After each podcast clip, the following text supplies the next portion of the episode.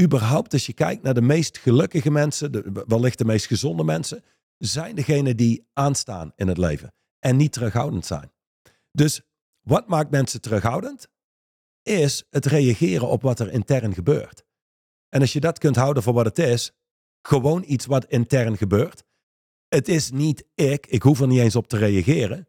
En je start te doen wat je gezegd hebt te doen en je doet dat volledig. Dat is de ervaring van succes. Welkom bij de Straight Line Podcast. De leiderschapsdialoog met diepgang en inhoud. Iedere week opnieuw een eerlijk gesprek over radicaal effectief leiderschap in turbulente tijden. En over winnen in het leven. Welkom bij de Straight Line Podcast met Mandy en Johan van der Put.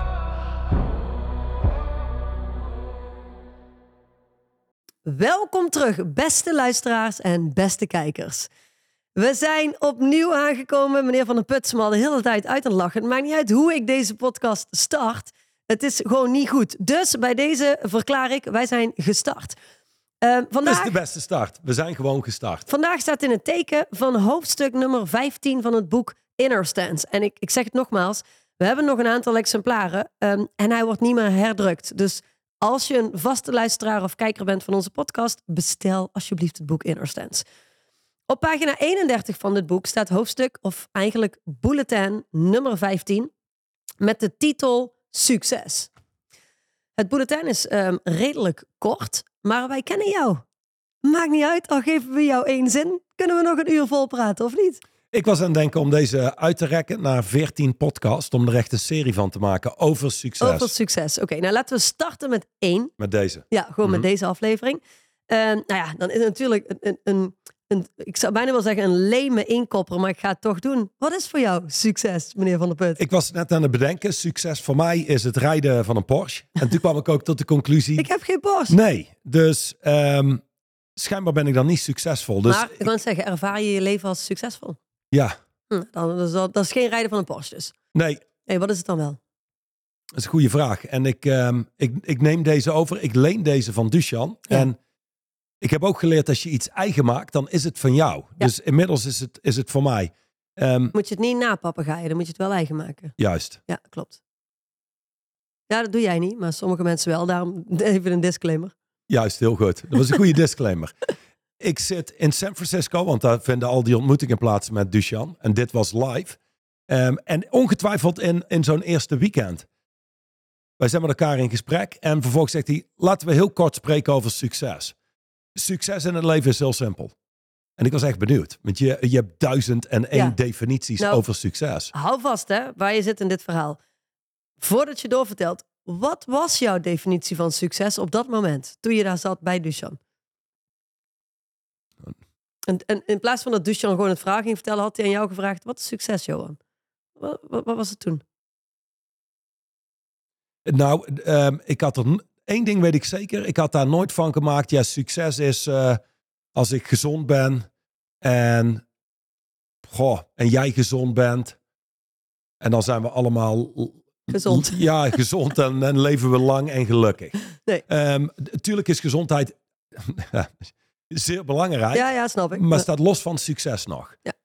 Ik vond dat dat is een hele lage lat. Weet je wel, het zit vanuit succesvol zijn is Zolang gezond bent, is goed, hè? ja, inderdaad. Iedere dag boven de grond is een goede dag en is een succes. Ja. Daar vond ik de, de lat te laag voor liggen. Ik denk dat het te maken had met eh, gedeeltelijk financieel succes. Ik weet het niet. Ik, had, ik zou geen heldere definitie gehad hebben, is mijn verwachting. Hmm. Ehm, Oké. Hooguit het bereiken van je doelen. Wat nog steeds een onderdeel is van succes. Als jij zegt, ik wil een marathon lopen in 2024, doe je het? Ja of nee? Ja, heb je het gedaan, dan heb je succes. Ja, eh, ik, eh, ik wilde een vakantiehuis in eh, Zuid-Frankrijk. Weet je, heb je het gedaan, ja of nee? Ik wil een gezin stichten en een leuke partner. Heb je het gedaan, ja of nee? Is het gelukt? Ja.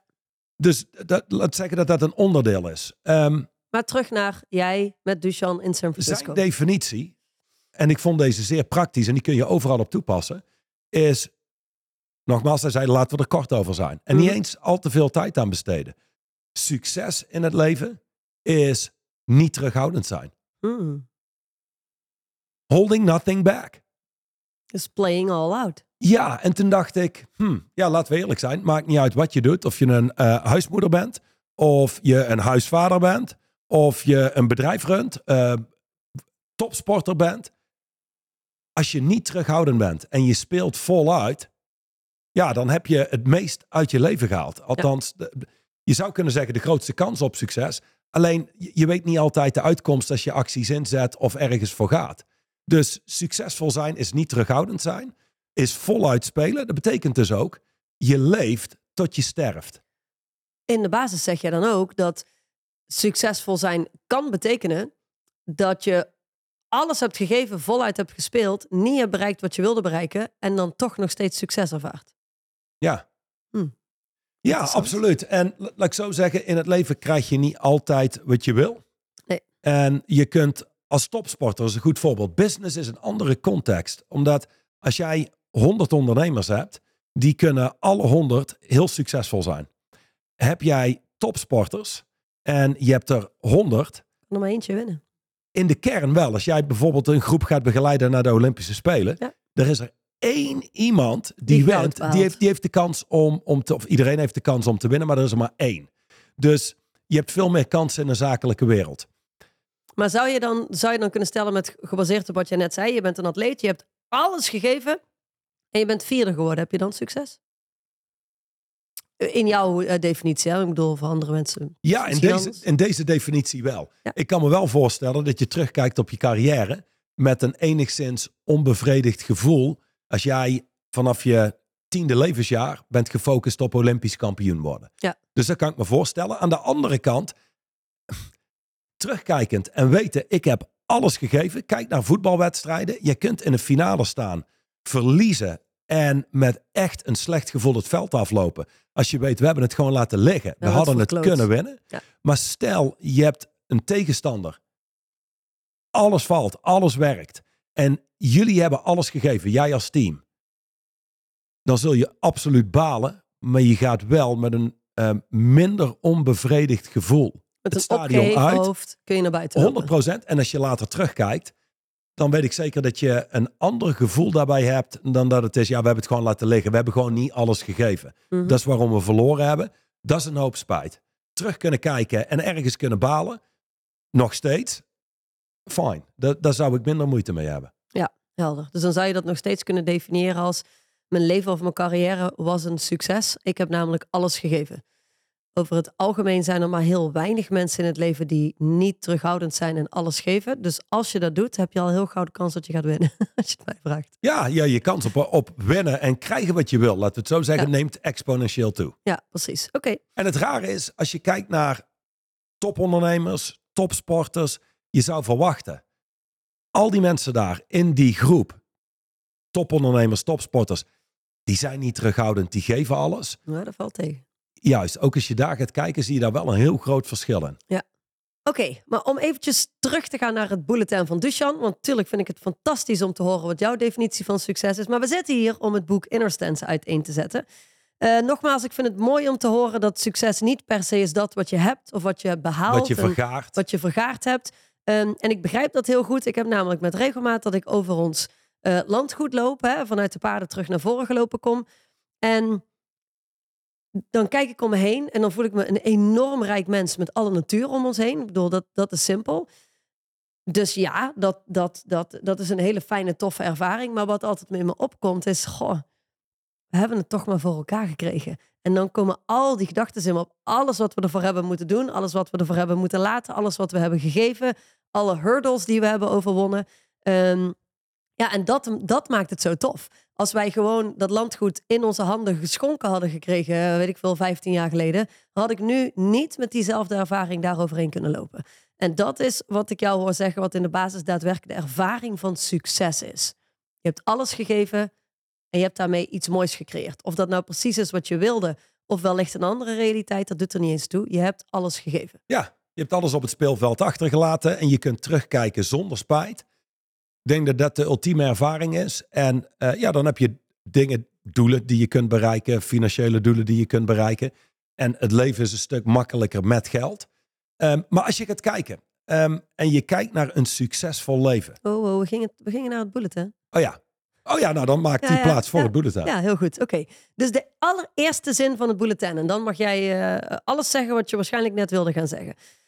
Gekoppeld aan deze zinnen. Success is doing something sincerely and wholeheartedly. Of het nou is.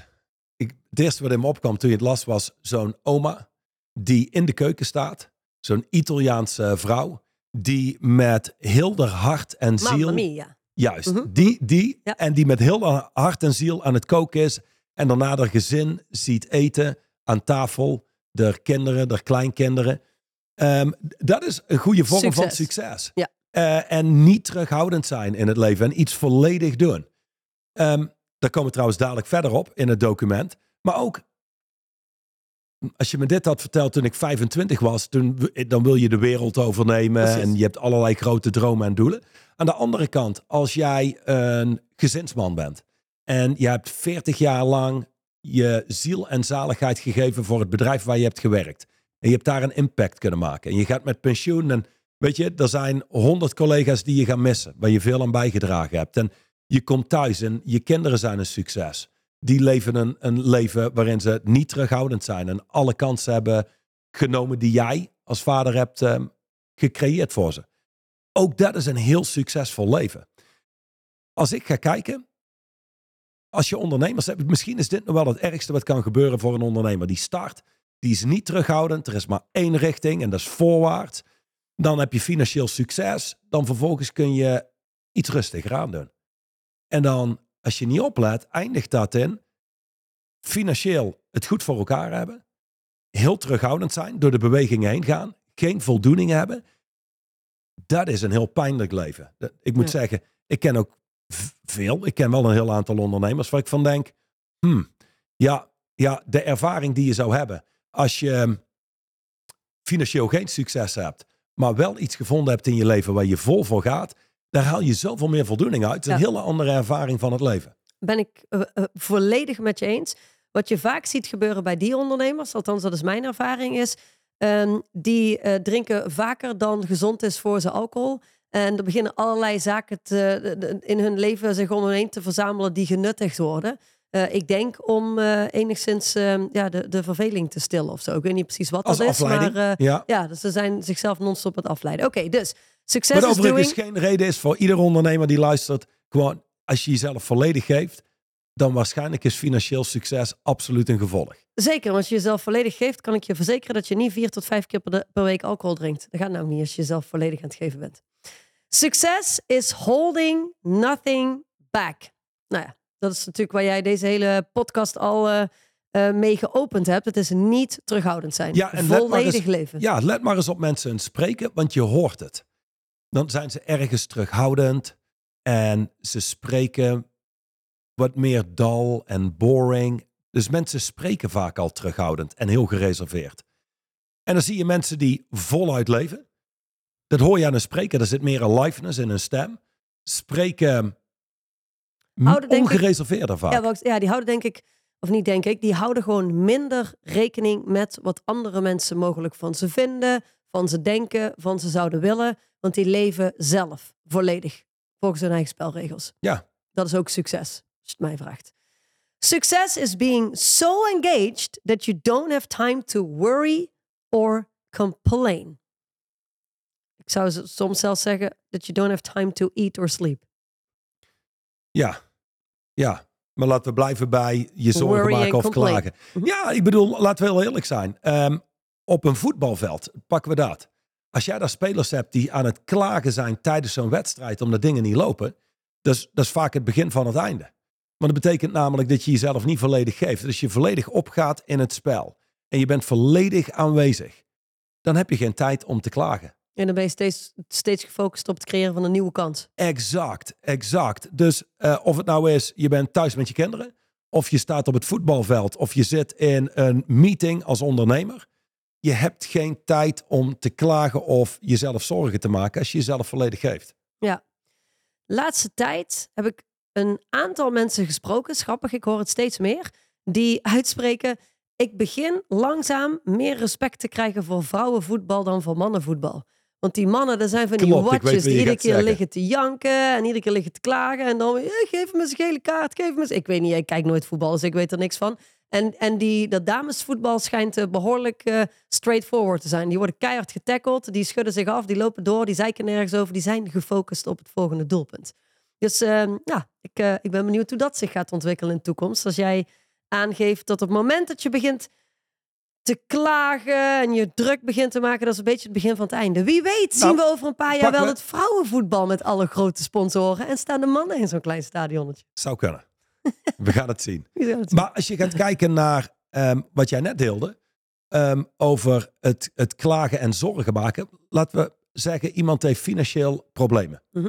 En die maakt zich daar zorgen over.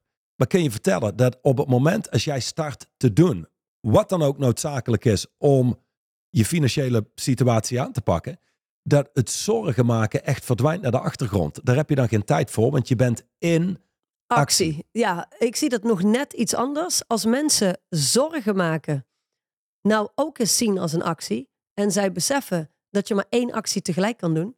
Dan op het moment dat je je zorgen zit te maken, dan, dan, dan ben je dus in actie. Als het gaat om, je bent jezelf zorgen aan het maken, maar je kunt maar één ding tegelijk doen. Dus als je nou shift naar een actie die nuttig is en die je Impact brengt maakt. exact tot financiële ruimte, ademruimte, zekerheid, veiligheid, eh, eh, hoe zeg je dat, Eh, vrijheid, noem maar op. En je doet die acties, die zijn een heel stuk nuttiger dan worry en complainen. En dan is de kans tot succes natuurlijk ook een stuk groter. Dat is waar deze dan ook vandaan komt. Ehm, laten we heel eerlijk wezen. Mensen die zich zorgen maken en veel klagen, zijn ook mensen die terughoudend zijn. Want op het moment dat ze aan het zorgen, dat ze aan het klagen zijn en zich zorgen aan het maken zijn, zijn ze niet aan het doen wat gewoon tot resultaat zou leiden. Dus dan ben je dus al in de basis terughoudend.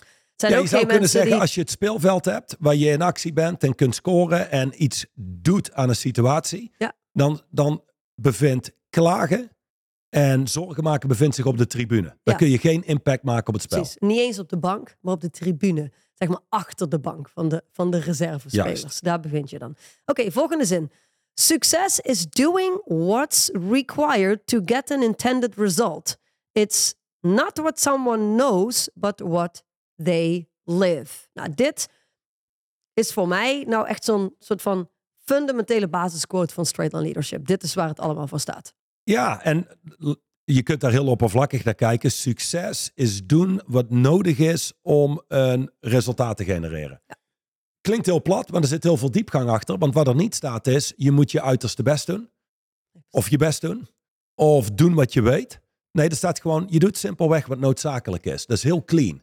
Daar zit geen heel veel moeite in. Mhm. Er zit geen zorgen maken in. Het is, je doet clean de acties die leiden tot het resultaat. En laten we heel eerlijk zijn. Mensen kunnen doen alsof ze begaan zijn met je lijden en hoeveel tijd en energie je ergens in hebt gestopt. Mensen, mensen pakken het resultaat. En die kijken daarna een soort van, oké, dankjewel. En jouw lijden en dat is voor jou. Ja, Maar dat maakt voor mij niet Al uit. die verhalen heb ik niks Ja, mee. je kunt af en toe iemand hebben die doet alsof die sympathie heeft. Maar mensen zijn met name bezorgd om zichzelf. Ja. Dus als je het voor jezelf uitkleedt en je stript al je acties van alle verhalen en waar je wel of geen zin in hebt of hoe moeilijk het wel of niet is. En je start te doen wat noodzakelijk is, dan begint je leven een stuk beter te werken. Dus dat is de ene kant. Ja. Zo was er ook laatst eh, iemand die we spraken die zei, ehm, goh, ja, ik, eh, ik ga hier mijn uiterste best doen. Ja, dat wil ik net zeggen. Je had laatst een voorbeeld dat jij, we hebben, wat is het, een stuk of vier, vijf eh, nieuwe mensen aan boord sinds deze maand. En het zijn allemaal redelijk jonge mensen voor ons doen in- binnen onze organisatie. En een van die jonge mensen had jij een gesprek mee. En toen benoemde jij mij in het kantoor daarnaast. Dat is misschien nog een leuk voorbeeld. Ja, dus ehm heel, hele leuke gast en heel eh, correct. En eh, goh, ja, ja ik, eh, ik ga mijn uiterste best doen. En zei ik, nou, die dame hiernaast, Mandy, weet je wat die zou antwoorden? Dat is het minste wat je kunt doen. en zie, zie je iemand een beetje verschieten? Het is altijd leuk als mensen een eerste aanraking met jou hebben in ons bedrijf. ja, enigszins zo'n...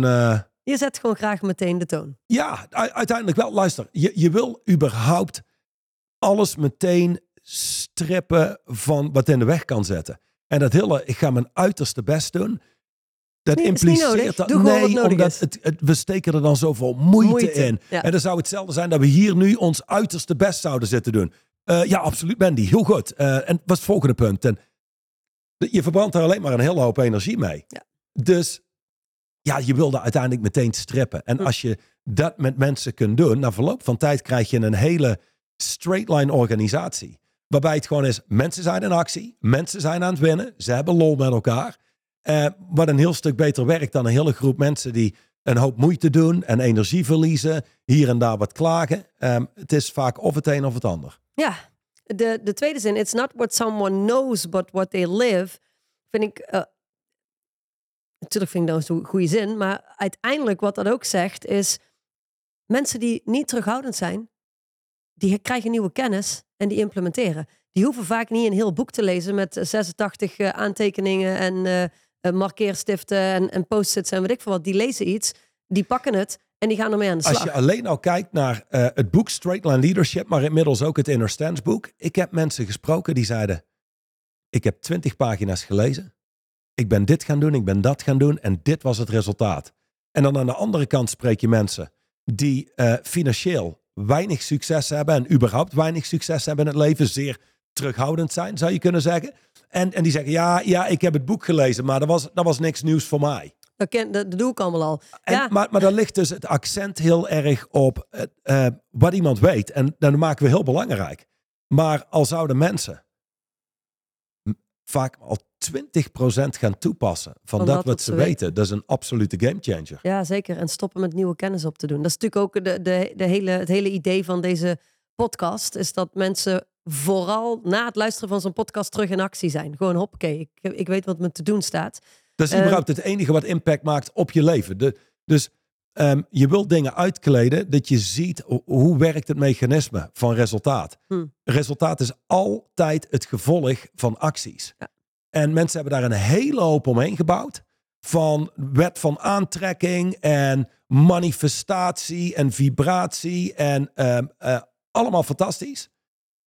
Maar één ding, er is nog nooit een resultaat gekomen zonder een actie te ondernemen. Nee. Dus als je het simpel houdt, wat je weet is leuk, Exact. maar iemand met weinig kennis en heel veel implementatiekracht zal altijd winnen van een professor die alles weet en misschien wel te bang en te terughoudend is om iets te implementeren. Ja, en daar krijg je de ervaring van succes. Want succes op zich is natuurlijk niet een woord wat je kunt definiëren, want succes is voor iedere mens anders in de basis. Maar wanneer ervaar je succes?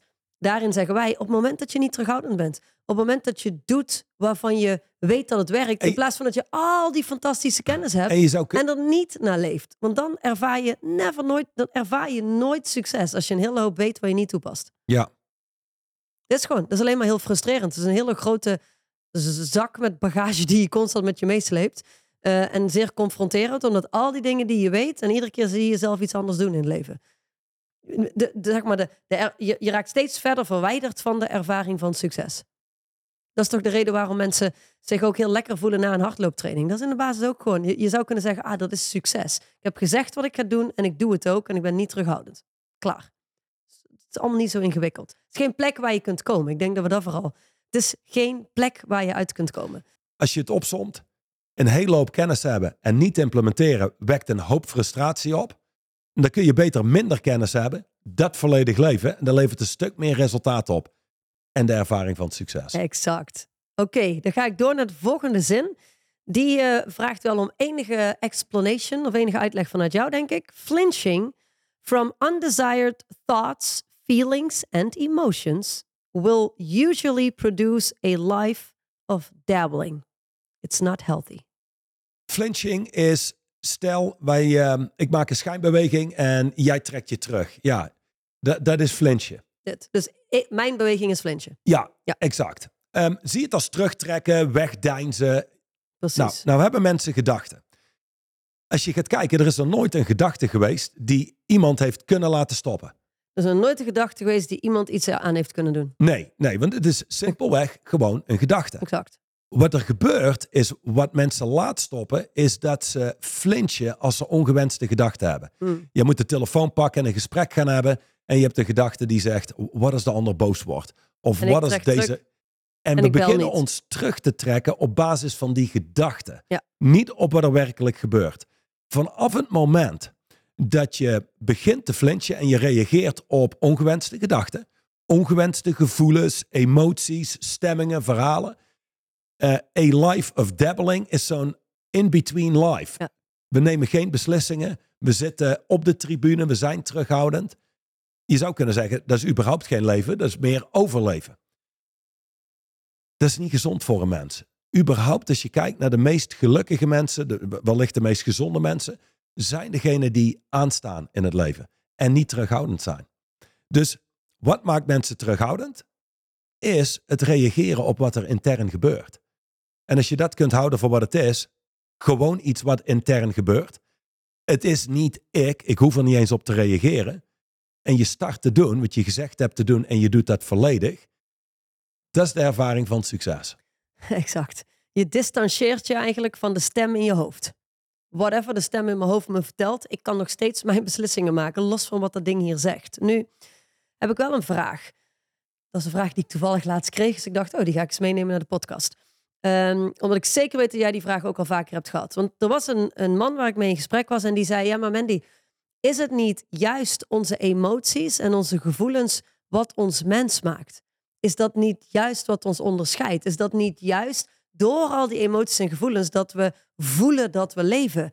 Uh, um, als ik jullie soms hoor, dan heb ik het idee dat jullie leven zo plat is, zo neutraal is. Dat er zo. Zijn jullie ooit blij? Zijn jullie ooit boos? Zijn jullie ooit verdrietig? Is dat er ooit? Hoe, hoe, um, hoe zie jij dat? Nou ja, nee. Het, het, het, is een onderdeel van, van mens zijn. En als je geen emoties ervaart, zou je het leven niet ervaren. Ja, nee, nee, wij zijn robot. en ik heb, uh, ik heb geen emoties en, uh, oh, en gedachten oh, meer. Jawel. Oh, jawel, jawel, en jawel. ochtendhumeur heb je ook.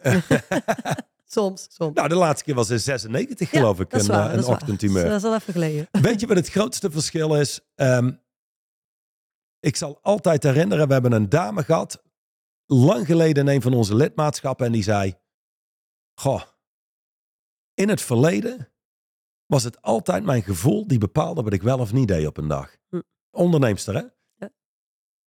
En nu ik los ben gekomen van mijn gevoel, in andere woorden, het klinkt raar, zegt ze, maar eigenlijk zou je kunnen zeggen, ik was altijd geïdentificeerd met mijn gevoel. En ja, ik kreeg gewoon op slechte dagen ik kreeg niks gedaan. Maar dan dacht ik, ja, weet je, ik doe het als het goed voelt. Of als het slechte gevoel verdwenen is. Of daar komt het dan op neer.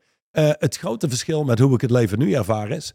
Uh, net zoals de, voordat ik dit werk deed. Ik heb uh, iedere emotie die ieder ander mens heeft.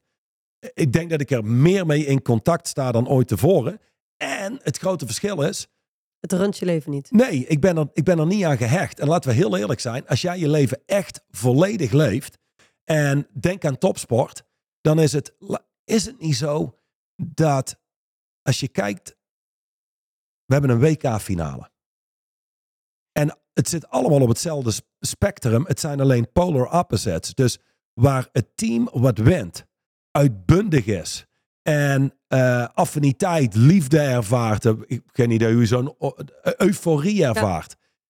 Het tegenovergestelde ervaart de tegenstander. Ja, teleurstelling. We hebben een wereld gecreëerd waarbij het is, we willen eigenlijk als mensen eerlijk zouden kijken, alleen maar ervaren wat exact. de winnaar ervaart. Ja.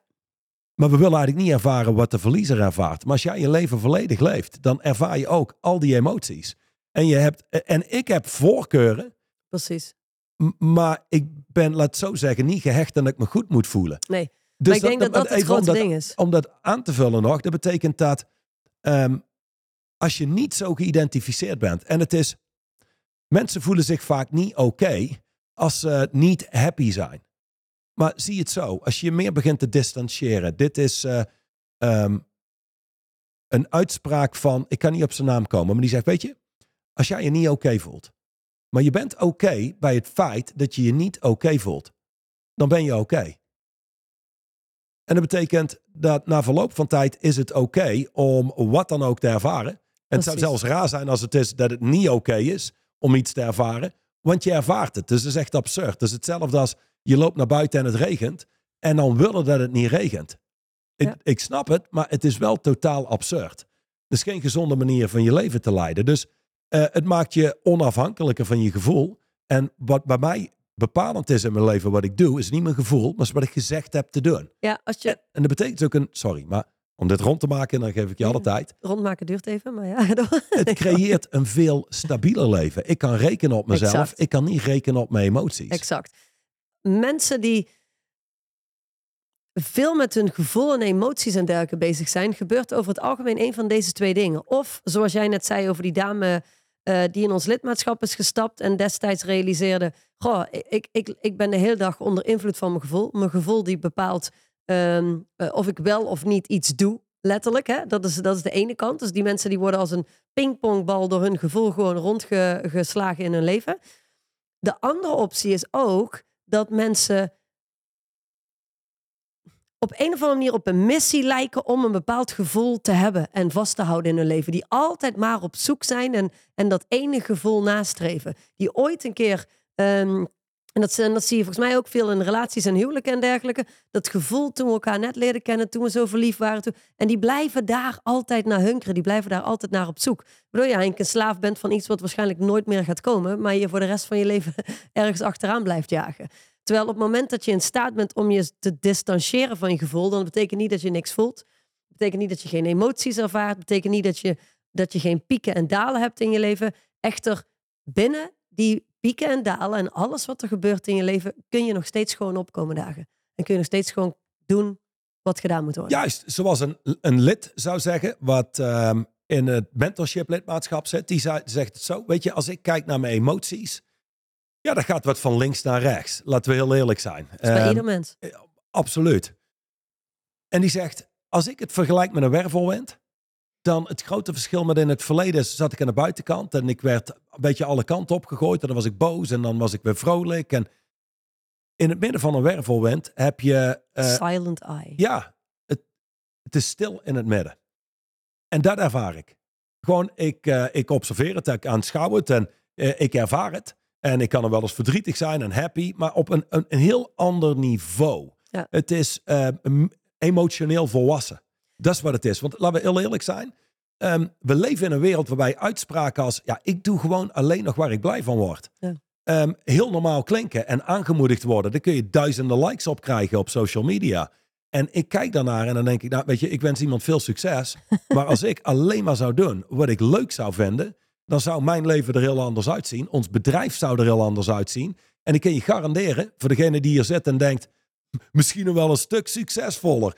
Nee, Nee. a- absoluut niet. En iedereen die ergens succesvol in is geweest, die zal zeggen: luister, dat hele ding met motivatie, dat is allemaal leuk, maar mensen hebben niet meer motivatie nodig. Die hebben meer discipline nodig. Exact. Je hebt alleen maar motivatie nodig om dingen te doen die je liever niet doet. Je hebt nog niemand motiveren, moeten motiveren om iets te doen waar die echt naar uitkijkt. En hoe meer, hoe meer je gewoon als een volwassene kunt leven, los van een slaaf te zijn van je emoties en je stemmingen en je impulsen, ehm, hoe beter je leven werkt. En anders krijg je van die mensen die in de kern altijd bezig zijn met het masseren van hun gevoelens. Ja, jij, jij eh, omschrijft nu hè, dat waar ik blij van word. Maar volgens mij wat vooral veel speelt, is dat mensen eh, zeggen: ja, maar het moet wel goed voelen. En alsof er dan een of ander eh, dieper, diepere meaningen, weet ik veel, een of ander dieper iets in hun lichaam of in hun ziel of whatever ik zou moeten omschrijven, die zegt: ja, nee, dit kan je wel doen en dit kan je niet doen. Nee, dit voelt niet goed. Alleen het nadeel is dat geen enkele groeikeus in het leven goed voelt. Maar nooit. Nee, Gewoon in 100% van de gevallen voelt hij niet goed. Je kunt er misschien naar uitkijken. Je kunt misschien excited worden over een groeikeus die je gaat maken. Maar diep van binnen voelt het nooit goed. Want een groeikeus betekent dat je een, een nieuwe wereld gaat eh, exploren, zeg maar, verkennen. Dat je wat nieuwe een deel dingen gaat je doen. nooit wil. Nee, we zijn allemaal mensen en allemaal een deel van ons wil gewoon geen verandering en dat alles hetzelfde blijft. Dus dat gaat nooit goed voelen. Ehm, dus ja, goed. Ik, eh, ik denk dat dat een, een belangrijk is. Want dit is natuurlijk het grootste ding. Wat mensen terughoudend mensen. maakt in het leven. Precies. Ja. Ja, Ja. maar het voelde niet goed. Ja, ja. Wat betekent dat? Het voelde niet goed. Ja, weet je, de, ja, ja dat, is, dat is een hele goeie. Het klinkt zo heel logisch, Ja. maar gevoel komt en gaat. Precies. En, en het is zo simpel als, je je bent single, je staat in een discotheek en je vraagt iemand mee op date en die zegt, met jou in geen miljoen jaar, hoe, hoe voel je je dan? Precies. Niet goed. Ja. Maar die leuke dame waar je naartoe eh, gaat en die zegt, oh, ja, nou, daar zou ik echt naar uitkijken. En je loopt terug en je voelt je goed. En vervolgens heb je, denk je, ja, maar nu heb ik één date. Als dat niks wordt, ik ga er voor nog één. En dat is een dame die zegt, nou, ik kom net uit de relatie en nou, het is geen nee, maar het is ook geen ja. Dan voel je je een soort van oké. Weet je, uiteindelijk dat hele gevoel, leidend maken in je leven, beperkt je op alle Ja. fronten. En daarmee wil ik wel één kanttekening maken. Want ik heb altijd mensen, als ik hierover eh spreek in een zaal of in een groep, die zeggen: Ja, maar ja, je hebt toch ook, weet je wel, dat je s'avonds in je huis bent. eh, misschien meer als vrouw zijn dan als man zijnde, maar dat je, dat je s'avonds alleen thuis bent. Het is heel erg laat en de deurbel gaat. En ik voelde gewoon, dit is niet goed. Ehm, naar mijn mening is er nog een, een verschil tussen eh, gewoon gevoel en eh, verhalen en weet ik veel films die je hebt gekeken en dat je denkt, oh, ik heb nu allemaal van die wilde beelden in mijn hoofd, hè, want dat hebben we allemaal tegenwoordig. En je instinct. Ja, ja, je instinct kan je af en toe wel vertellen, wow, watch out, opletten hier. Maar dat is iets heel anders en dat heeft niks te maken met business. En heeft als, als mensen heel eerlijk gaan zijn, hoe vaak heeft je gevoel er wel niet naast gezeten? Exact, exact. Dus die, die wilde ik nog even erin gooien. Oké, ehm, de laatste zin. Dus het wordt langzaam een beetje de afronding van deze aflevering van de En Inner dit is tijdens de reeks. feestdagen toch, dat deze uitkomt? Eh, volgens mij komt deze uit tussen kerst en oud en nieuw. Ja, dus... eh, Wat een warmte. Moet je we- kijken waar we over spreken tijdens deze heerlijke eh, dus- kerstgedachten. ja, dat is, zo- ja de, de, de kerst is net voorbij. Eh, oudjaarsavond moet nog komen. De toast op succes moet nog komen. Wellicht als mensen deze podcast hebben geluisterd voordat ze een glas champagne in handen nemen, ehm, heeft dat zelfs de toast een beetje beïnvloed. Omdat ze gekeken hebben naar wat heeft eigenlijk allemaal te maken met succes het afgelopen jaar. Ja, dat zou dus tof een, vinden. een goed voornemen is al een voorbeeld van terughoudendheid. Want het zit hem al in het voornemen. Ik Ja. neem me iets voor. Ja, nee, ik dus- doe het gewoon. Een beslissing. Ja, exact. een goede beslissing Een wil je maken. exact. Juist. Dit is waar je op kunt rekenen in Maar 2024. eh, je mag dadelijk je eindspeech doen voor het einde jaar. Eh, we gaan nu eerst naar de laatste zin. Obeying insecurity, oftewel weak thoughts, will destroy you. Choosing to obey fear and comfort over life will destroy you. Dus je kunt kiezen om onderdanig te zijn aan angst en comfort. Of je kunt kiezen om er niet naar te luisteren en het toch gewoon te doen. Je kunt kiezen om onderdanig te zijn aan je eigen grootsheid. Ja, dat zou een goede manier zijn om het te verwoorden, inderdaad. En je kunt groter zijn dan je angst. En je kunt Oh. groter zijn dan je twijfel. Dan En kun je je- gewoon beslissen. Ja, en je, en je hoeft er niet eens vanaf te komen. Je kunt het gewoon met je meenemen. Hmm. Ja. Net als emoties Exact. en gedachten Juist. en gevoelens. Maar laten we eerlijk zijn. Hoe meer jij incheckt bij die gedachten en bij je twijfel. En hoe meer je incheckt bij je angst. En hoe meer je wil dat het weggaat. Hoe meer het blijft kleven. Dus het is meer, hey, voorwaarts. In actie. Met angst. Met je twijfel. Je wil, je wil, ja, precies zoals je het nu zegt is het. En gezond verstand ook overboord. Eh, Hoppakee, en het gaan leidt tot allerlei ongelukken. Nee, je gebruikt je gezond verstand. En weet je, ehm, er is zoiets als gevaar. Eh, als, als je gedachten zeggen, hey, het, is, het is beter om nu niet in deze kooi te stappen met die veertien alligators en ze eten te geven. Ja, dat Wel- Wellicht beter van niet. Maar als het is angst, wat denkt die persoon? Of wat gaat hij zeggen? Of uh, dat kun je met je meenemen. Je kunt gewoon doen wat je moet doen. Oké. Nou, ehm, ja, dat is fantastisch. We zitten echt net ehm, twee dagen, drie dagen. Ik weet niet precies eh, welke datum deze aflevering uitkomt. Maar we zitten net voor de jaarwisseling. Mhm. En ehm, ik ga de vraag exact op deze manier stellen, omdat ik weet dat jij erop gaat reageren. Wat wens jij onze kijkers en luisteraars voor 2024? Wat ik wens voor onze lieve luisteraars en kijkers, Jij wenst helemaal is niks. dat ze stoppen met wensen. en starten met het maken van commitments. En we hebben 2024 voor de meeste mensen, als ze niet opletten. Hetzelfde als 2023 met wat lippenstift op. Eh, Misschien een andere auto of een andere baan. Maar wat als je in 2024 besluit, en dat kun je nu al doen, nog voordat het zover is, niet terughoudend te zijn, vol te gaan voor de dingen die je belangrijk vindt. En terug te kunnen kijken aan het einde en te kunnen zeggen, hey, we hebben geleefd met snelheid en kracht. We zijn niet terughoudend geweest en dit was onze ervaring. Dus we maken 2024 succesvol door te leven sincerely and wholeheartedly. Jezelf volledig te geven. Nou, als mensen dat doen, dan kan ik met een, met een warm gevoel dit jaar afsluiten. En dan, eh, Ik mis wel, eh, Patrick, eh, een glas champagne hier. Wat is dit eigenlijk? Ja. Het is een beetje jammer. Geen kerstboom meer, geen champagne. Maar hey, succes creëren we zelf. En ik was niet terughoudend tijdens deze podcast. Jij? Tot de volgende keer. bye! De Straight Line podcast is opgebouwd uit verschillende reeksen. En uiteraard zijn we de eerste reeks gestart met het verdiepen van het boek Straight Line Leadership. De originele ondertitel van dit boek was Tools for Living with Velocity and Power in Turbulent Times. Oftewel, dit boek staat vol met distincties die jou helpen te leven met opwaartse snelheid en met kracht. In dit boek vind je de absolute basis van ons werk. Nu, nu zijn we begonnen met de tweede Straight Line podcast reeks. En die staat in het teken van het boek Inner Stance. Distinctions for living a stronger, faster, more effective life. Al sinds de jaren 80 deelt Dusan Djukic diepgaande bulletins over hoe je sneller en krachtiger door het leven kunt bewegen. Deze bulletins hebben een enorme impact gemaakt. Enorm op de resultaten van honderdduizenden ondernemers. En jij kunt daar één van zijn. Dit boek, het Inner Stance boek, is een compilatie van al deze bulletins. En let op, er zijn maar 5000 exemplaren gedrukt. Dit boek, deze, is dus een limited edition. Er komt namelijk geen herdruk. Dus wees er snel bij. Zorg dat je je handen krijgt aan dit boek. En volg uiteraard deze podcast.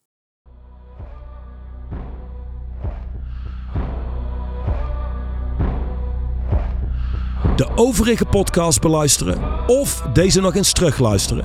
Ga naar het YouTube of Spotify account van Straight Line Leadership.